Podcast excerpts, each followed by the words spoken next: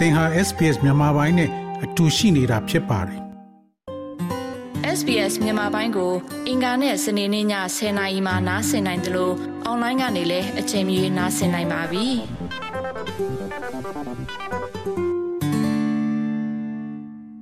ပွင့်လင်းရာသီရောက်လာတော့မယ်မြန်မာနိုင်ငံမှာပုံမှန်ဒီအချိန်ဆိုနိုင်ငံခြားခီးသွွားတွေအတွက်ပြင်ဆင်နေခြင်းလို့ဆိုနိုင်ပါတယ်။ ရောက်လာတော့မယ်အောက်တိုဘာလကနေမေလအထိကိုမြန်မာနိုင်ငံရဲ့ခီးသွွားရသည်ရဲ့လို့လည်းသတ်မှတ်ထားကြတာပါ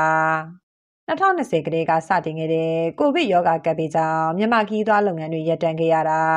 စစ်တပ်ကအာဏာသိမ်းလိုက်ချိန်မှာတော့နလန်မထူနိုင်အောင်ဖြစ်ခဲ့ရပါပြီမြန်မာနိုင်ငံဟာကိုဗစ်ကာလမတိုင်ခင်2019မှာခီးသွွားစံချိန်တင်မြင့်တက်ခဲ့ပြီးပြည်တွင်းခီးသား10တန်းဝန်းကျင်နဲ့ပြည်ပခီးသွွား4.8တန်းကျော်ရှိခဲ့ပါတယ်။ အာနာသိန်းကာလတွင်ဖြစ်တဲ့2022ခုနှစ်မှာတော့ပြည်ပခီးသွွား2သိန်းကျော်သာဝင်ရောက်ခဲ့တယ်လို့ဟိုတယ်နဲ့ခီးသွွားလုပ်ငန်းဝန်ကြီးဌာနကထုတ်ပြန်ခဲ့ပါတယ်။အခုပြီးခဲ့တဲ့ရက်ပိုင်းကကြာရောက်ခဲ့တဲ့ကမ္ဘာခီးသွွားလုပ်ငန်းတွေမှာလည်းစစ်ကောင်းဆောင်ဗိုလ်ချုပ်မှုကြီးမင်းအောင်လှိုင်ကမြန်မာနိုင်ငံတွင်ခီးသွွားလုပ်ငန်းတွေပြန်ဥမော်လာဖို့ဗတ်ပေါင်းဆောင်ငန်းတွေစ조사နေတယ်လို့ပြောခဲ့ပါတယ်။ ဒါပေမဲ့တစ်ဖက်မှာတော့ကန့်သက်ချက်တွေရှိနေတာကြောင့်ခီးသွွားအရေးအတွက်ဟာအရင်လောက်တိုးတက်လာမှာမဟုတ်ဘူးလို့လက်ခံထားသူတွေလည်းရှိပါတယ်။ခီးသွွားလုပ်ငန်းရှင်များအသင်းအဖွဲ့ဝင်တဦးကဒီနိုင်ငံတကာခီးသွွားတွေလာဖို့အတွက်တော့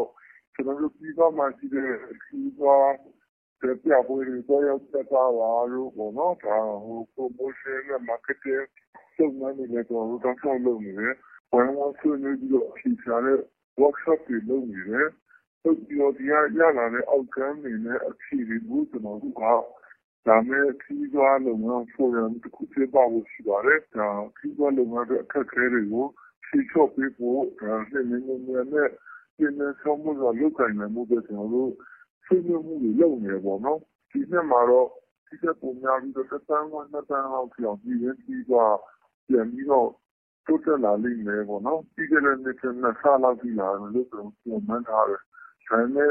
ပြည်တွင်းခရီးသွားက ဒီလို သန်းနဲ့ချီပြီး မျှော်လင့်နိုင်ပေမဲ့ ပြည်ပခရီးသွားတွေကိုတော့ ကျနော်တို့ သိန်းဂဏန်းလောက်ပဲပေါ့နော် မျှော်လင့်လို့ရသေးတဲ့ အခြေအနေမှာ ရှိပါသေးတယ်ခင်ဗျ။ဟုတ်။စစ်ကောင်စီက နိုင်ငံခြားခရီးသွားတွေ ဝင်လာဖို့ ဆိုက်ရောက်ဗီဇာဆိုပြီး ပေးတဲ့နိုင်ငံတွေမှာလည်း သူတို့နဲ့ အကြမ်းတဝင်ရှိတဲ့ နိုင်ငံတွေဖြစ်တဲ့ တရုတ်၊ရုရှား၊အိန္ဒိယနိုင်ငံတို့သာ ပါဝင်ပါတယ်။ ဒါအပြင်လာမယ့်အောက်တိုဘာလ၁ရက်ကစပြီးမြန်မာတရုတ်နှစ်နိုင်ငံနယ်စပ်ဂိတ်တွေကနေတရားဝင်ဗီဇာနဲ့ဝင်ထွက်သွားလာနိုင်ဖို့ကိုလည်းစစ်ကောင်စီကဖော်ဆောင်နေတာပါဒါဟာလည်းနိုင်ငံသားငွေတိုးနိုင်မယ်နီလန်တရဲ့အပြင်ပြည်တွင်းမှာငင်းချမ်းနေပြီဆိုတဲ့သဘောမျိုးကိုနိုင်ငံတကာမြင်စေချင်တာကြောင့်ပြည်တွင်းပြည်ပခီးသွားလုပ်ငန်းဥမော်လာဖို့ကိုစစ်ကောင်စီဘက်ကဥတီနေပုံရတယ်လို့ကျွမ်းကျင်သူတွေကသုံးသပ်ကြပါတယ်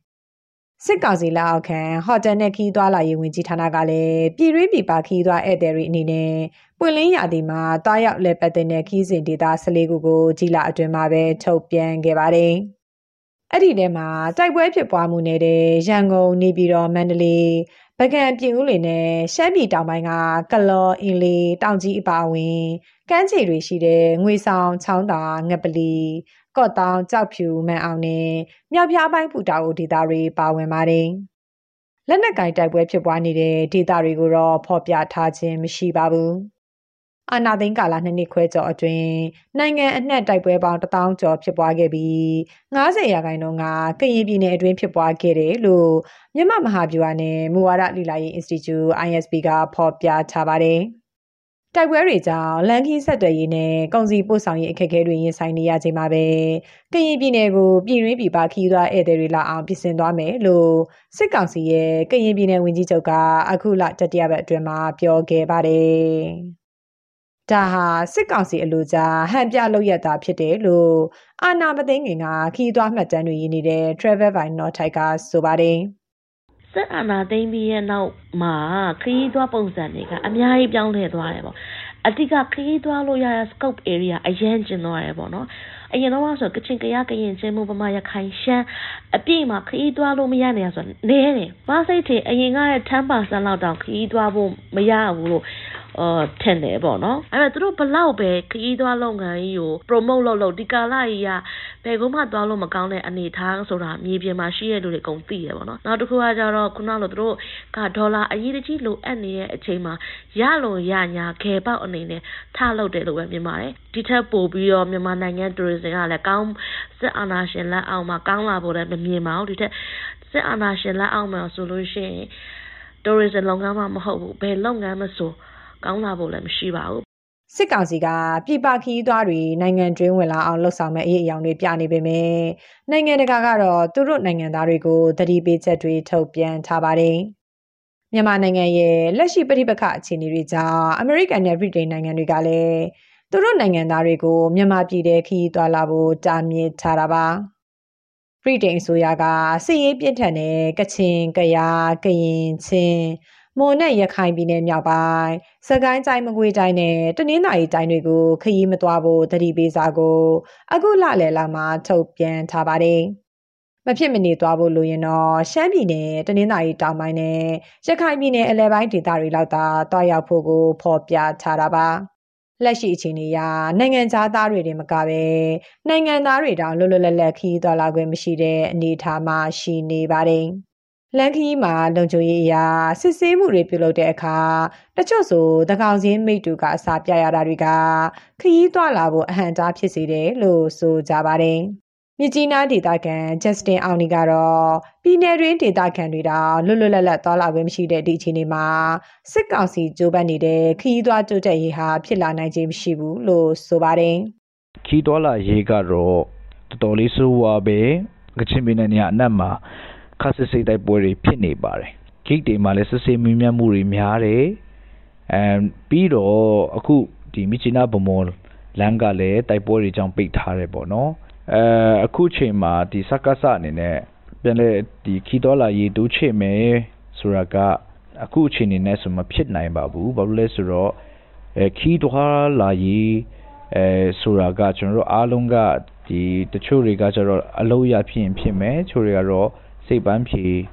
အဲချင်တဲ့အတွက်ကြောင့်တွားတာလည်းဖြစ်နိုင်ပါတယ်ဆိုတော့ဒီအခြေအနေမှာတော့ဒီတကယ်ခီးတော်လာရင်လည်းပတ်သက်ရင်တော့ချင်းပီနေရဲ့အခြေအနေကတော့เนาะချင်းနေဆိုးရတယ်အဲမြေပြင်မှာလည်းတကယ်ကိုခက်ခဲနေကြပါတယ်ပေါ့နော်ဘလို့မှအခြေအနေကတော့ကောင်းလာနိုင်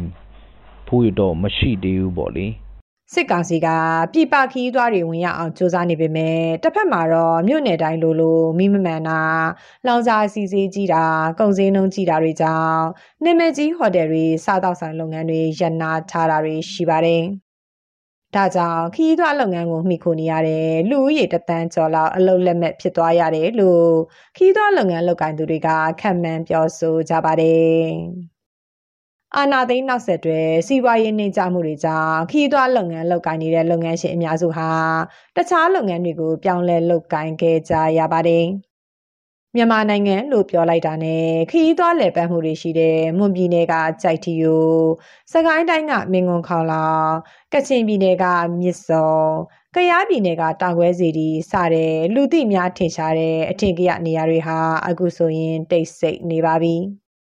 ပြည်တွင်းပြည်ပခီးသွားတွေရွေးချယ်လေးရှိတဲ့တောင်ကြီးအင်းလေးရှိရာရှမ်းပြည်နယ်တောင်ပိုင်းကခီးသွားလုပ်ငန်းရှင်တူကတော့တိုင်းပြည်ခီးသွားတိုးတက်ဖို့ဆိုရင်ခရီးသွားခြင်းသူတွေကိုလုံခြုံရေးတင်းကျပ်မှုတွေဖြေလျှော့ပေးဖို့လိုတယ်လို့ပြောပါတယ်။ပုံစံတွေကတော့ခါတိုင်းကတော့ရမ်းရိုးရှင်းနေတော့ပြင်ပါ။ချမ်းလို့နိုင်ငံသားစီးပွားပြောတယ်လူကြတော့မှတော်လို့မရတဲ့နေရာအများကြီးကျွန်တော်တို့ customer တွေပေါ့နော်လုပ်ငန်းရှင်တွေနေနဲ့အဲ့လိုစီးပွား tour operator တွေနေနဲ့သူ့အဲ့တဲ့ရဲ့ဒီဒီ safety ကို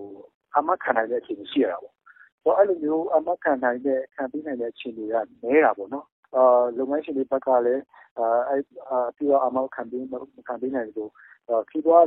တွေအနေနဲ့လည်းဟိုစိုးရိမ်မှုတွေရှိတယ်။ရှိတဲ့အတွက်ချုံရဆိုရင်ရှောင်းရှောင်းတယ်အာနာမသိငင်ကဆိုမြန်မာနိုင်ငံမှာခီးသွွားလုပ်ငန်းအတူတက်ဆုံးကတောင်စလက်နဲ့ချယ်ရီတွေဖူးပွင့်ရာချင်းတောင်နန်းဒေသဖြစ်တယ်လို့ပြောစမဲ့ရှိကြပါတယ်။ လက်ရှိကာလမှာတော့ဖလန်းခရိုင်ထဲမှာရှိတဲ့ရီကန်ကံပက်လက်မြို့ကဝီတိုရီယာကျောင်းနဲ့မတူပီမြို့နယ်တဲကဘုံတလာရေတကွန်တွေဟာတားရောက်လဲပတ်ဖို့အခက်ခဲဆုံးနေရာတွေဖြစ်ခဲ့ရပါပြီ။အိမ်မီရှို့ခံရမှုလက်နက်ကင်တော်လန်ခုခံစစ်ပြင်းထန်မှုတွေနဲ့နယ်မြေမတည်ငြိမ်မှုတွေကြောင့်လည်းချင်းဒေသခံတသိန်းကျော်ဟာအိုးအိမ်ဆွန်ခွာထွက်ပြေးတိမ်းရှောင်နေရတာပါ ဒီလိုအခြေအနေမှာခီးသွွားလုပ်ငန်းတိုးတက်ဖို့ဆိုတာကပရိပခမဖြစ်ပွားရာနေရာအချို့ကိုတွာလာနိုင်ုံနဲ့မဖြစ်နိုင်ဘူးလို့လက်ခံယူဆသူတွေလည်းရှိပါတယ်။မြန်မာနိုင်ငံအနှံခီးသွွားလေးရှိတဲ့မတ်အိမ်မြတ်ကတော့တွားဖို့သမျှခီးတွေတဲ့ချင်းပြည်နယ်ကအလှဆုံးလို့ခံယူထားတာကြောင့်ပြန်သွားနိုင်ဖို့အခြေအနေကိုမျှော်လင့်နေသူပါလူငယ်ဆယ်စုနှစ်တခုလောက်တည်းချင်းပြည်က လူသူရောက်ပုံနေတယ်သွားတဲ့လူသိမ့်မရှိဘူးခုနောက်ပိုင်းတော့ခီးသွားတဲ့လူတွေတပြေးနဲ့များလာလိုကယ်တွေကလည်းသွားကြတယ်ပေါ့အဲ့လိုအကူပြောင်းကာလကောင်းမွန်တဲ့အကူပြောင်းကာလဖြစ်လာတဲ့အချိန်မှာပေါ့နော်ဒီလိုအခြေအနေဆိုးတွေဖြစ်သွားတော့ပြန်ပြီးတော့အရင်လိုမျိုးအစဉ်ပြန်ပြေဖို့ကျွန်တော်အချိန်တစ်ခုတော့ယူရမယ်ထင်တယ်ရှင်ချင်းပြည်ကလည်းငကိုတွေကသူ့အတူတတိတတန်နဲ့ငင်းချင်းချမ်းလေးရှိတဲ့ဒေတာဆိုတော့အနာဂတ်မှာလည်းအဲ့လိုမျိုးအေးချမ်းချမ်းနဲ့ငင်းငင်းချမ်းချမ်းမရှိစေချင်တယ်ရှင် ပြည်တွင်းကလက်နက်ကင်တိုက်ပွဲဖြစ်ပွားမှုတွေနဲ့မလုံခြုံတဲ့အခြေအနေတွေကြားမှာမြန်မာနိုင်ငံဟာပြည်ပခီးသွွားတွေအတွက်တော့စစ်တလင်းတစ်ခုပြရုပ်သားဖြစ်နေတာပါဒီလိုအခြေအနေမှာစစ်ကောင်စီကြိုးပမ်းနေတဲ့ခီးသွွားလုပ်ငန်းတိုးတက်ရေးဟာဟန်ပြတာတာတောင်ဖြစ်လာပါမလားဆိုတဲ့ဝေဖန်ချက်တွေလည်းရှိလို့နေပါတယ်ဒီသတင်းဆောင်မကိုတန်လွင်ခက်ကပေးပို့ထားတာဖြစ်ပါတယ် sbs.com.au/bemis ကို home နေရာမှာထားပြီးတော့အမြဲတမ်းနှားဆင်နိုင်ပါတယ်။နောက်ဆုံးရသတင်းတွေ၊စောင်းမားတွေနဲ့စစ်တမ်းတွေမှာပါဝင်ပြီးတော့ဆက်သွယ်မှုလုပ်နိုင်ပါတယ်။ sbs.com.au/bemis ဖြစ်ပါတယ်ရှင်။